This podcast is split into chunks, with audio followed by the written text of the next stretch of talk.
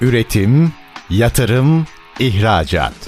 Üreten Türkiye'nin radyosu Endüstri Radyo sizin bulunduğunuz her yerde. Endüstri Radyo'yu arabada, bilgisayarda ve cep telefonunuzdan her yerde dinleyebilirsiniz.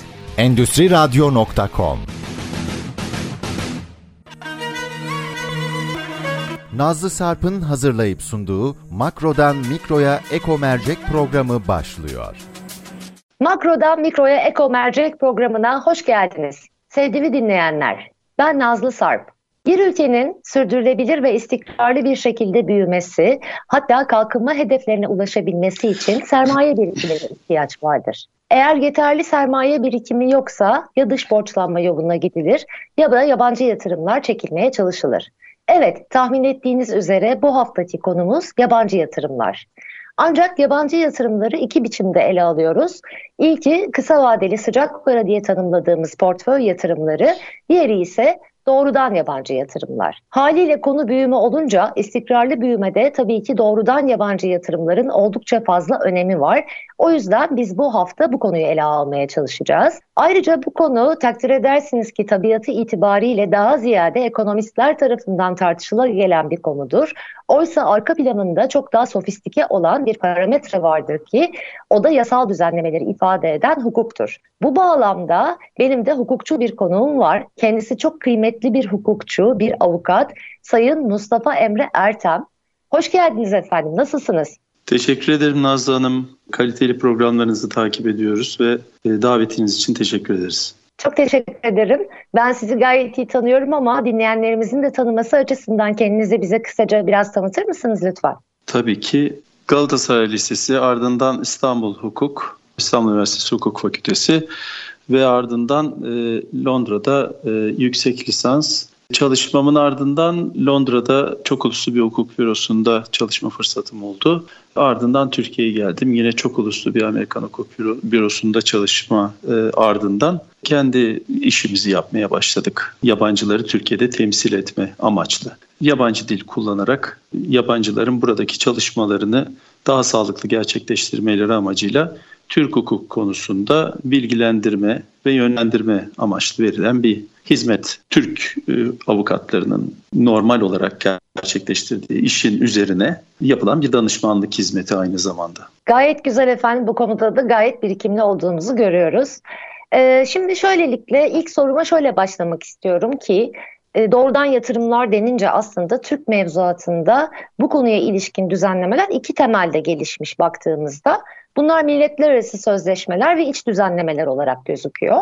Ben öncelikli olarak sizden milletler arası sözleşmelerle ilgili bir takım çerçeveleri çizmenizi istiyorum. Özellikle geçmişten günümüze gelen hani şu andaki durumu itibariyle bu konu nedir? Bize dinleyicilerimize anlayabileceğimiz dilde ifade edebilir misiniz? Buyurunuz efendim. Estağfurullah. Nazlı Hanım bu çok sağlıklı olarak e, daha anlaşılır hale getirme amacıyla böldüğünüz başlıklar aslında sizin de çok iyi bildiğiniz üzere iç içe geçmiş durumda ve yurt dışından gelen yatırımcının Türkiye'de işler yapabilmesi için e, çalışmalarının Türk devleti tarafından, Türkiye Cumhuriyeti Devleti tarafından hem uluslararası anlaşmalarda hem de iç yapıdaki yasal düzenlemelerle e, desteklemesi ihtiyacını öngören. Bunlar gerçekleştiği zaman da yatırımların bizim sınırlarımız içerisine yönelmesine imkan veren bir çalışma alanı. Uluslararası manada Türkiye Cumhuriyeti Devleti çok uzun bir e, liste ile anlatabilecek olduğumuz bir e, ülkeler grubuyla doğudan batıya, kuzeyden güneye yatırımların Türkiye'ye gelmesini teşvik edebilme amacıyla anlaşmalar imzalamış durumdalar. Bu ülkeler listesinin içerisinde neredeyse yok yok. Bu karşılıklı teşvik ve e, korunmaya yönelik anlaşmalardır. E, bu anlaşmalar çerçevesinde Türkiye Cumhuriyeti hem hukuken hem de yatırımın güvence altına alınması amacıyla imzalamış olduğu bu sözleşmelerle yatırımcının daha fazla kendisini cesaretle e, bu coğrafyanın içerisine girmek ve iş üretme amacıyla parasını buraya aktarabilme konusunda e, cesaret ve güvence vermektedir. Aslında bu Osmanlı İmparatorluğundan e, günümüze gelen bir yaklaşımdır. Yabancı yatırımın Türkiye'ye ve ondan öncesinde de Osmanlı İmparatorluğu'na çekilmesi çalışması. İlerleyen safhalarda 2000 yıllarının öncesinde bir ikame e, üretim prensibi varken Türkiye'de yabancı yatırımı çekme daha az hedeflenirdi. E, yurt dışında üretilen ürünün e, burada bir alternatifin üretilmesi kaygısı, çabası vardı. 2000'li yıllardan sonra yapılan yasal düzenlemelerle de çok daha fazla yurt dışından Türkiye'ye e, yatırımın yönlendirilmesi hedeflendi. Bu anlaşmalar hukuken gelen kişi bir anlaşmazlık olduğu takdirde nasıl güvence altına alır'a, alınıra kendi yatırımının güvence sağlayan öncelikle uyuşmazlıkların çözülmesi hakkında konvansiyon büyük önem taşıyor. Bunun adına kısaltma olarak ICSID diyebiliyoruz. Ve ikincisi de çok taraflı yatırım garanti kuruluşu anlaşması.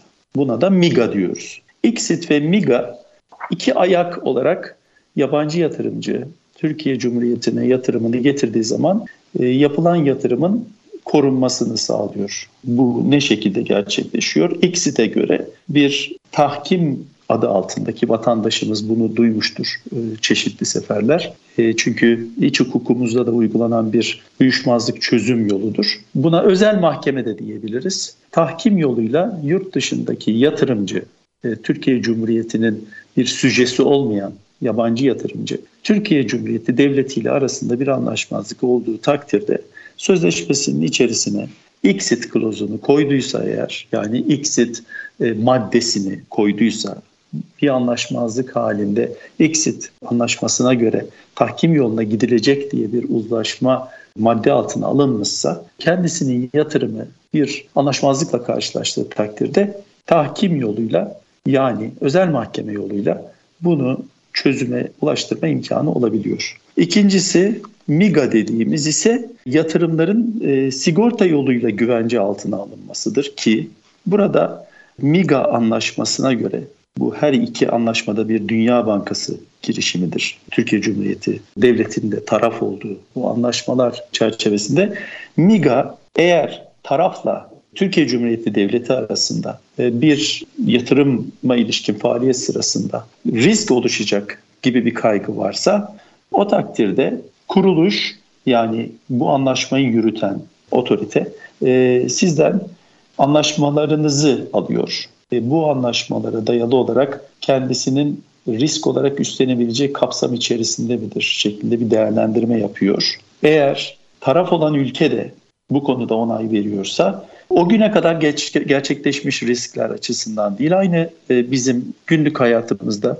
kasko sigortası gibi değerlendirdiğimiz o güne kadar gerçekleşmiş olan kazayı nasıl kapsam içerisine almaz? Gelecekte ortaya çıkacak olan riski koruma altına alıyorsa burada da çeşitli riskleri yani bunun içerisine efendim ev sahibi ülkede savaş olabilir veyahut da anlaşmayı ihlal etme riski olabilir veyahut da bu kapsamda gelişen başkaca bir risk, kamulaştırma riski olabilir, döviz transferi riski olabilir. Bu riskleri gelecekte doğa, doğacak olduğu takdirde bir koruma altına alıyor ve e, ilerleyen tarihlerde bu riskler ortaya çıktığında yabancı yatırımcının yatırımını koruyan bir yapı sunmuş oluyor. Bu uluslararası anlaşmalara tabii başkaları da eklenebilir. İksit kapsamında baktığınız zaman belirli tahkim merkezleri var. Bunlardan özet olarak kısaltmasıyla ifade ediyoruz. Konunun içerisine girdiği zaman vatandaşlarımız karşılaştığında e, hatırlayacak oldukları kelimeler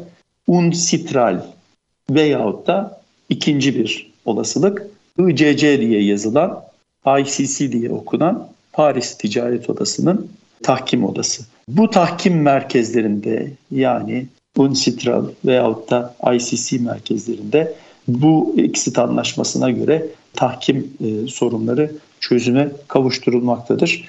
Çatı Dünya Bankası grubudur e, ve merkezi Washington'da bulunmaktadır. Bu çatının altında pek çok ülkeyi toplayarak bünyesinde anlaşmalar yoluyla bu ülkelerde gerçekleşecek olan an, e, e, yatırımlarla ilgili olmak üzere çıkacak olan sorunlara bu şekilde bir uluslararası alternatif yahut da bir yerde zorunlu hukuki çözüm sunmaktadır. Alternatif dememe sebep sözleşme altında yer alırsa ancak bu şekilde çözümle karşılaşabiliyorsunuz. Zorunlu kısmı eğer siz sözleşmenin içerisinde böyle bir kayıt koymazsanız milletler arası özel hukuk kurallarına göre yatırımı yapanın ülkesi veyahut da yatırımın yapıldığı ülke, malın taşındığı, transfer edildiği ülke vesaire gibi prensipler vardır milletler arası özel hukuk prensiplerine göre. Eğer sözleşme altında uluslararası bu tarz sözleşmelerin, anlaşmaların amir kıldığı tahkim müessesesi e, anlaşma içerisinde yer almazsa o zaman hukukçular uyuşmazlık halinde önüne sözleşmeyi alıyorlar ve e, yetkili mahkeme, yetkili hukuk belirlenmemişse hangi ülke veyahut da hangi ülke mahkemesi yetkilidir? Onun değerlendirmesine giderler. Aksi takdirde her iki tarafta sözleşme içerisinde bu tahkim klozunu koyduğu takdirde buradaki prensiplere, buradaki oyunun kurallarına göre anlaşmazlık çözüme doğru yürür. Evet, e, gayet açık bir biçimde anlattınız. Açıkçası benim gibi böyle hukuk cahili olan birisinin bile anlayacağı şekilde sanırım e, Dünya Bankası'nın çatısı altında biri tahkim, diğeri sigorta olmak üzere Xit ve MIGA iki tane kurum tarafından Türkiye'ye yatırım yapan yabancı kuruluşların yatırımlarının garanti altına alındığını ifade ettiniz. Ancak burada özellikle Xit'i yani tahkimi sözleşmelerinde belirtmeleri gerektiğini ifade ettiniz ki bu da aslında anlıyoruz ki bir danışmana da ihtiyaç duymaları gerekiyor bu bağlamda ki böyle kurumlarında olduğunu biliyorum sanayi odaları bazında. Dolayısıyla bunu yapmadıkları takdirde milletler arası hukukun özel hukuk kapsamında kendi ülke hukuk kuralları işin içine giriyor. Daha şey karmaşık bir hal alabiliyor. Ancak burada biliyoruz ki e, uluslararası sözleşmeler olarak ICSID ve MIGA ikisi Dünya Bankası çatısı altında olmak üzere yatırımcıyı koruyan kurumlar olarak karşımıza çıkıyor. Doğru mudur Emre Bey?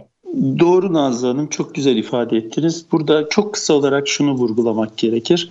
Biz başka ülkelerde yalnızca İngiltere'de değil Japonya'da Fransa'da görev yapma fırsatım oldu. Başka başka coğrafyalar bunlar. Farklı kültürler. Orada karşılaşmadığımız bir yaklaşımla karşılaştığım oluyor Türkiye'de. Müvekkil telefon açıp diyebiliyor ki şöyle bir anlaşma örneği var mı acaba? Bununla ilgili olmak üzere bir çalışma yapacağız.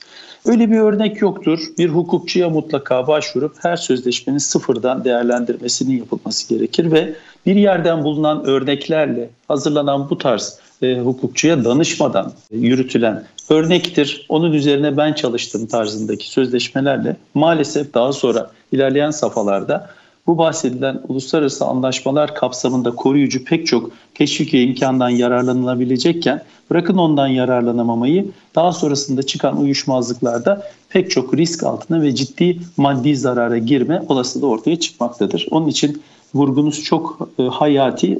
Size teşekkür ederim. Ben teşekkür ederim efendim. Şimdi bir reklam arası veriyoruz. Ardından tekrar devam edeceğiz sevgili dinleyenler. Üretim, yatırım, ihracat. Üreten Türkiye'nin radyosu Endüstri Radyo sizin bulunduğunuz her yerde. Endüstri Radyo'yu arabada, bilgisayarda ve cep telefonunuzdan her yerde dinleyebilirsiniz. Endüstri Radyo.com Makrodan Mikro'ya Eko Mercek programına tekrar hoş geldiniz sevgili dinleyenler. Şimdi ikinci sorumuzla devam ediyoruz. Sayın Ertem, milletler arası hukuk konusunda gayet güzel bir e, açıklama yaptınız. Şimdi sıra iç düzenlemeler açısından mevzuatımıza bakmaya geldi. Doğrudan yabancı yatırımları düzenleyen bir yasamız var. Sanıyorum baktığında 2003 tarihli doğrudan yabancı yatırımlar yasası varmış. 6224 sayılı yasaya ek yapılmış bu. Şimdi bunlar nelerdir? Sizce üzerinde durulması ya da farklılaşması gereken hususlar var mıdır? Kendi tecrübelerinizden de katkı sağlayarak tarif ederseniz şahane olur. Buyurunuz lütfen. Efendim bu ve benzeri konular siyasetle çok yakın ilişki içerisine sokularak bir takım bilgiye dayalı olmayan değerlendirmeler yapıldığı olabiliyor. Bu konuların siyasette hiç bilgisi yoktur. Siyaset üstü, halkın, devletin menfaatlerini ilgilendiren ve e, global değişimlere göre e, her devletin kendisine göre pozisyon alması neticesindeki e, yasal düzenlemeleriyle ülke menfaatlerini düşünerek yürüttüğü çalışma alanlarıdır.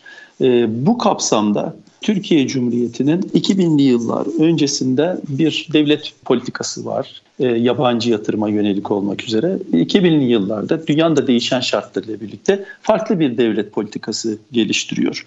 2000 e, yıl öncesinde yabancı sermayeye karşı daha korumacı bir yaklaşım sergileniyor. 2000'li yıllarda ise çok daha e, cesaret veren, çok daha teşvik eden bir projeyle uluslararası yatırımcıların karşısına çıkıyor Türkiye Cumhuriyeti Devleti. Burada yasanın sunuyor olduğu yabancı yatırımcıyı korumaya yönelik pek çok güvence var. Tabii Türkiye'de yapılacak yapılacak olan yabancı yatırım çalışması yalnızca bir tek kanunla koruma altına alınmıyor. Aslında pek çok kanun var. Bunlar bir araya geldiği zaman birbirini destekleyerek bütün açıkları tabiri caizse yamayarak ana kanunun çevresinde başka başka alanlarda da olmak üzere e, bir genel bakış açısı, bir genel ilke sunmuş oluyor, bir genel prensip sunmuş oluyor. E, bu bakış açısı çerçevesinde yabancılara karşı e, duruşumuz güvence verir bir duruştur. Kendileri Türkiye'ye geldikleri zaman sözleşmenin içerisinde biraz önce uluslararası tahkim e, müesseselerinin koyabileceklerini ifade etmiştim. Türkiye içerisinde de bunun iz düşümü vardır. Türkiye'de de İstak denilen bir e, tahkim odası bulunuyor. İstanbul Tahkim Odası. Burada Türkiye Cumhuriyeti hukuk sistemi içerisinde sokulmuş olan ara buluculukla birlikte birleştirilerek MEDAR adı altında uluslararası ifadesiyle mediation'la arbitration'ı birleştiren bir ifade kullanıyor devletimiz tarafından. MEDARB prensibine göre siz arabuluculukla başladığınız süreci burada bir arabulucu tarafları masaya oturtup aralarında bir anlaşmanın gerçekleşmesini sağlıyor ve o anlaşmaya arabulucu imza attığı zaman mahkemeden sadece bir icra edilebilirlik şerhi almakla bu arabuluculuk anlaşması bir mahkeme kararı yerine geçiyor. Doğrudan icraya koyabiliyorsunuz. Görevim e, avukatlığın yanı sıra aynı zamanda arabuluculuk olduğu için bu konuya da hakim bir kişi olarak bunu anlatıyorum size. MEDAP sisteminde ise arabuluculuğun üstüne hemen takiben arabuluculuk anlaşması imkanı olmazsa e, mahkemeye başvurmak yerine sözleşmeniz içerisinde gene bu clause varsa tahkim yoluna İstanbul Tahkim Odası ile birlikte yargılamayı sürdürerek hızlı sonuç almaya ilerleyebiliyorsunuz. Fakat Türkiye Cumhuriyeti'nin mahkemeleri her halükarda sağlıklı ve sosyal adalet ilkesiyle ve yabancı yatırımcıyı Türk vatandaşından özel ya da tüzel kişi olması fark etmeksizin hiçbir şekilde muamelede ayırmadan en sağlıklı sonuçları aynı şekilde vermektedir. Şu anda bu yasaların bize vermiş olduğu imkanlarla yatırım serbestisi bulunuyor. Öncesinde yani 2000'li yıllar öncesinde Türkiye Cumhuriyeti'nde herhangi bir yabancı yatırımcının piyasada e, hakim olan bir şirkete ortak olmasına imkan yoktu. Şu anda bu engel ortadan kaldırılmış durumda. Veyahut da eski kanuna göre şirket kurmak üzere e, Türkiye'ye gelen yabancı ortağın en az 50 bin dolar sermaye getirmesi gerekiyordu. Şu anda böyle bir sınırlandırma veyahut da böyle bir beklenti bulunmuyor.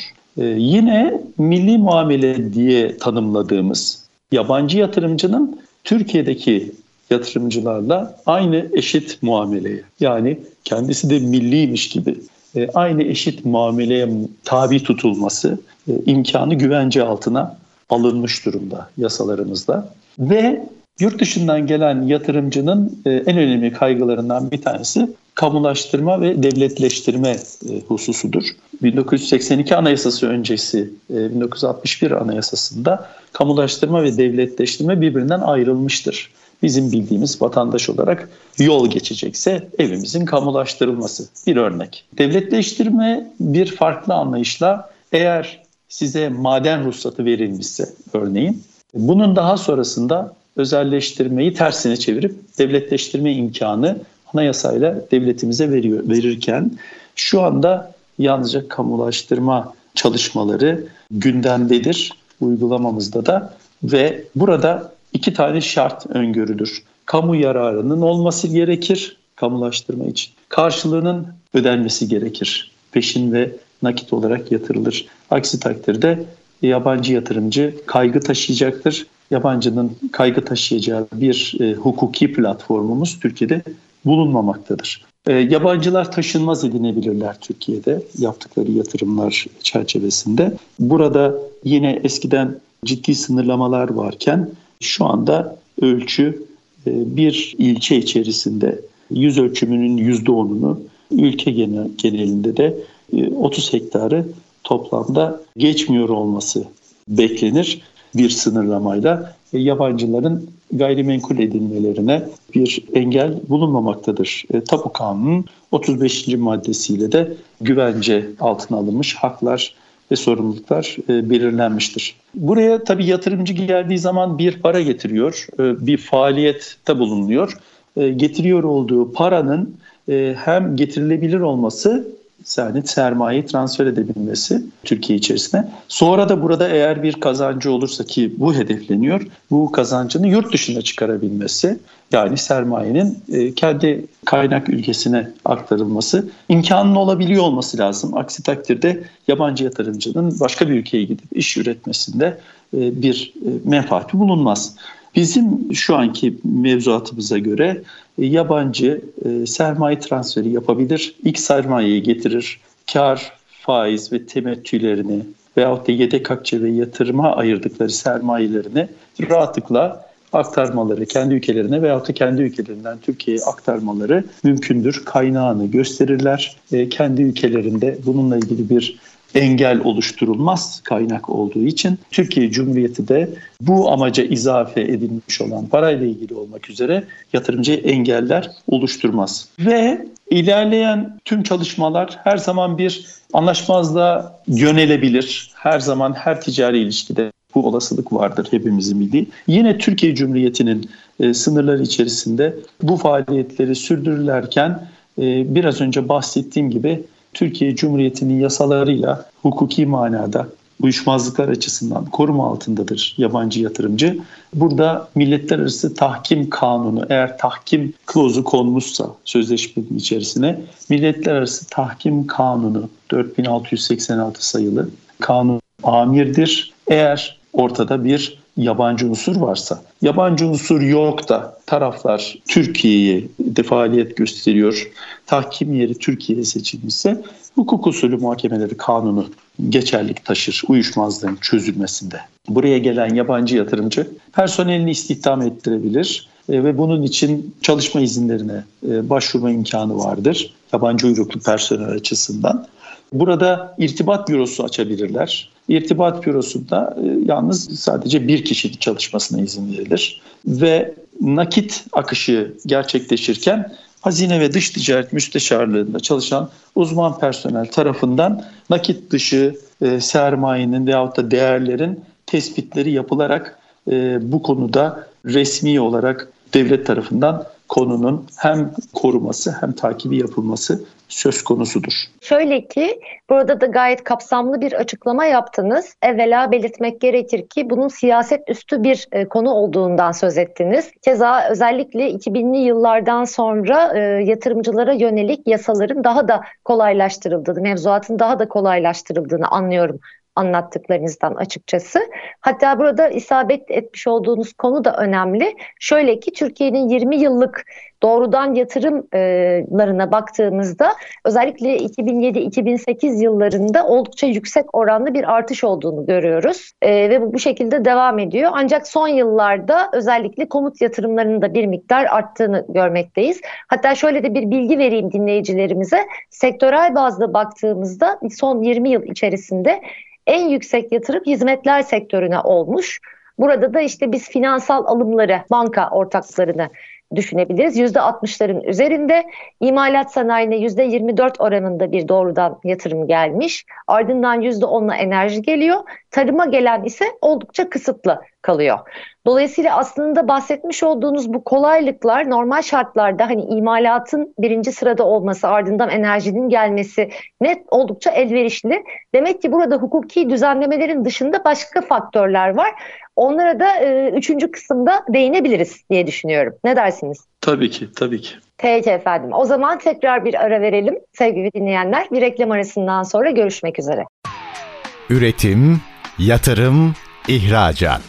Üreten Türkiye'nin radyosu Endüstri Radyo sizin bulunduğunuz her yerde. Endüstri Radyo'yu arabada, bilgisayarda ve cep telefonunuzdan her yerde dinleyebilirsiniz.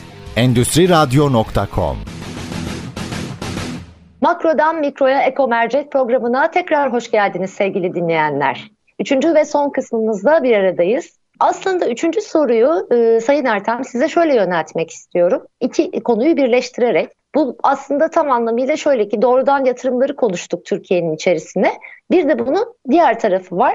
Bu da hem yurt dışındaki rekabetimizi, ticaret anlamındaki rekabetimizi ön plana çıkartıyor. Diğeri de içerideki yani yurt dışından gelen yatırımlara karşı içerideki faaliyet gösterenleri e, korumak babında.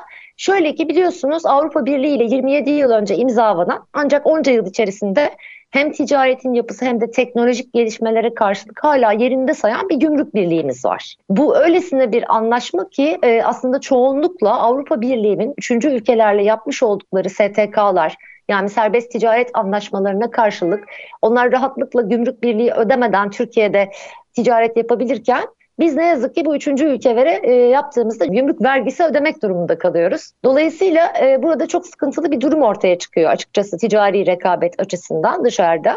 Öncelikli olarak gümrük birliği konusundaki görüşlerinizi merak ediyorum bir hukukçu olarak. Nazlı Hanım, gümrük birliği dediğimiz zaman Avrupa Birliği bünyesinde yer alan ülkeleri kapsıyor olduğunu biliyoruz. Fakat Türkiye Cumhuriyeti Devleti'nin yalnızca gümrük birliğine taraf olan Avrupa Birliği e, bünyesindeki ülkelerle veyahut da diğer alt bir takım ülkelerle e, ticari ilişkisi bulunmamaktadır. Dolayısıyla gümrük birliğinden kaynaklı e, yarar ya da zarar aslında bizim uluslararası ticaret veyahut da yabancı yatırımcının Türkiye'ye gelişindeki yaşayabileceğimiz bir takım konulara ilişkin değerlendirmelerin sizin de ifade edeceğiniz üzere bir kısmını oluşturuyor.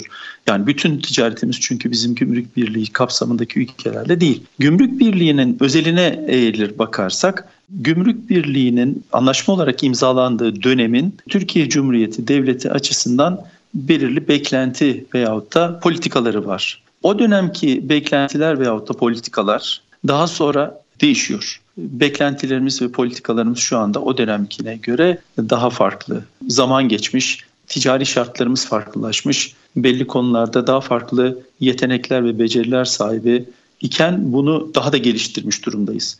Dolayısıyla gümrük birliğinden kaynaklanan bir takım aksaklıklar veyahut da sorunlar Türkiye'deki e, üreticinin veyahut da Türkiye'deki iş adamının yaşıyor olduğu bunları e, devletimiz telafi etmesi gerekmektedir ve edecektir de. E, zira Türkiye Cumhuriyeti Devleti daha önce de konuşmamın başında ifade etmeye çalıştığım üzere bir organizmadır, bir omurgadır. Siyaset üstü, siyasetin çok dışında tarihinden gelen bir takım özellikler, uluslararası ilişkiler, coğrafyasındaki bir takım sorumlulukları neticesinde bu omurga kim tarafından yönetilirse, nasıl bir siyasi e, akım tarafından o dönem için e, yönetiliyorsa hiç fark etmeksizin devletin bir takım uluslararası ve yerel politikalarını götürmesi söz konusudur.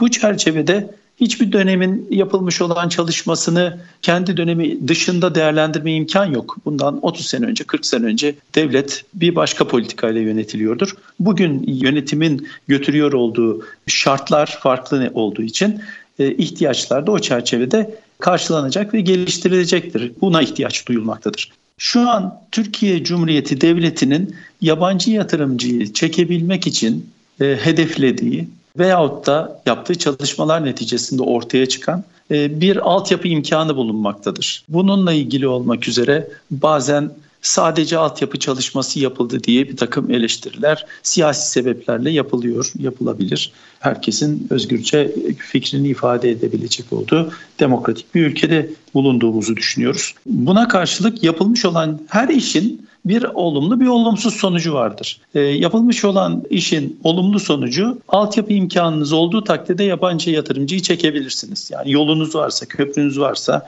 efendim siz uluslararası anlaşmalarınızla dijital teknolojilerin içerisinde yer alan faaliyetleri e, güvence altına veyahut da koruma altına hukuken aldıysanız bu takdirde yabancı yatırımcı bulunduğunuz ülkeye gelir yatırım yapar. Çünkü var olan altyapı sizin hem iletişimde faaliyet göstermenize imkan verir.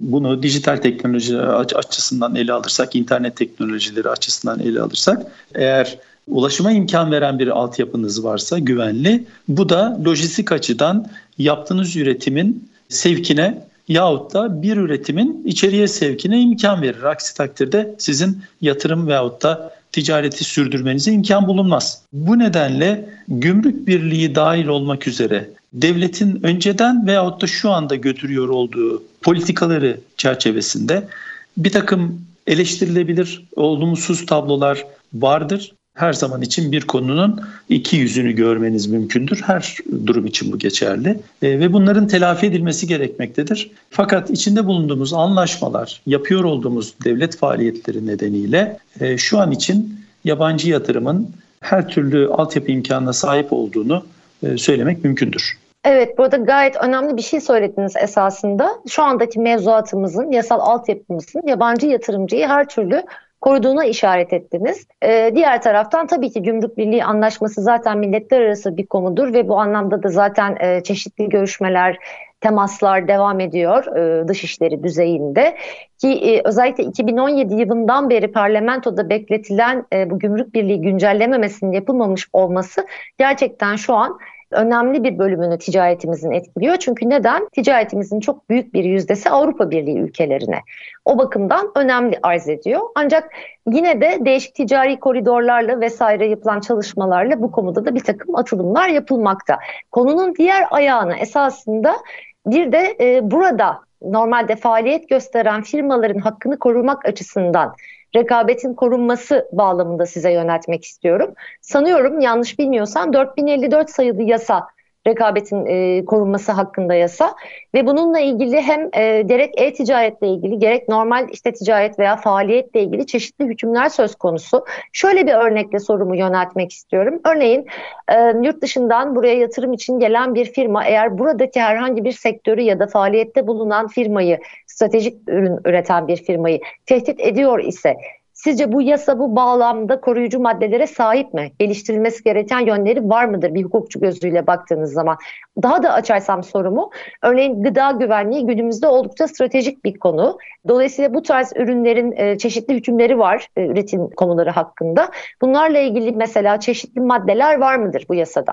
Buyurunuz. Nazlı Hanım sorunuz çok yerinde. Soruyu ortaya koyuş tarzınız da konuşmanın başında hukuka uzak, hukuk konusunda bilgili olmadığınızı tevazu göstererek ifade etmiş olmanızla çelişiyor. Çünkü çok e, sağlıklı ortaya konmuş olan bir soru. Fakat bu nokta soruya nokta cevap vermek pek mümkün değil. Çünkü çok geniş bir e, mevzuatla ilgili olmak üzere e, soruyu yöneltmiş bulunuyorsunuz.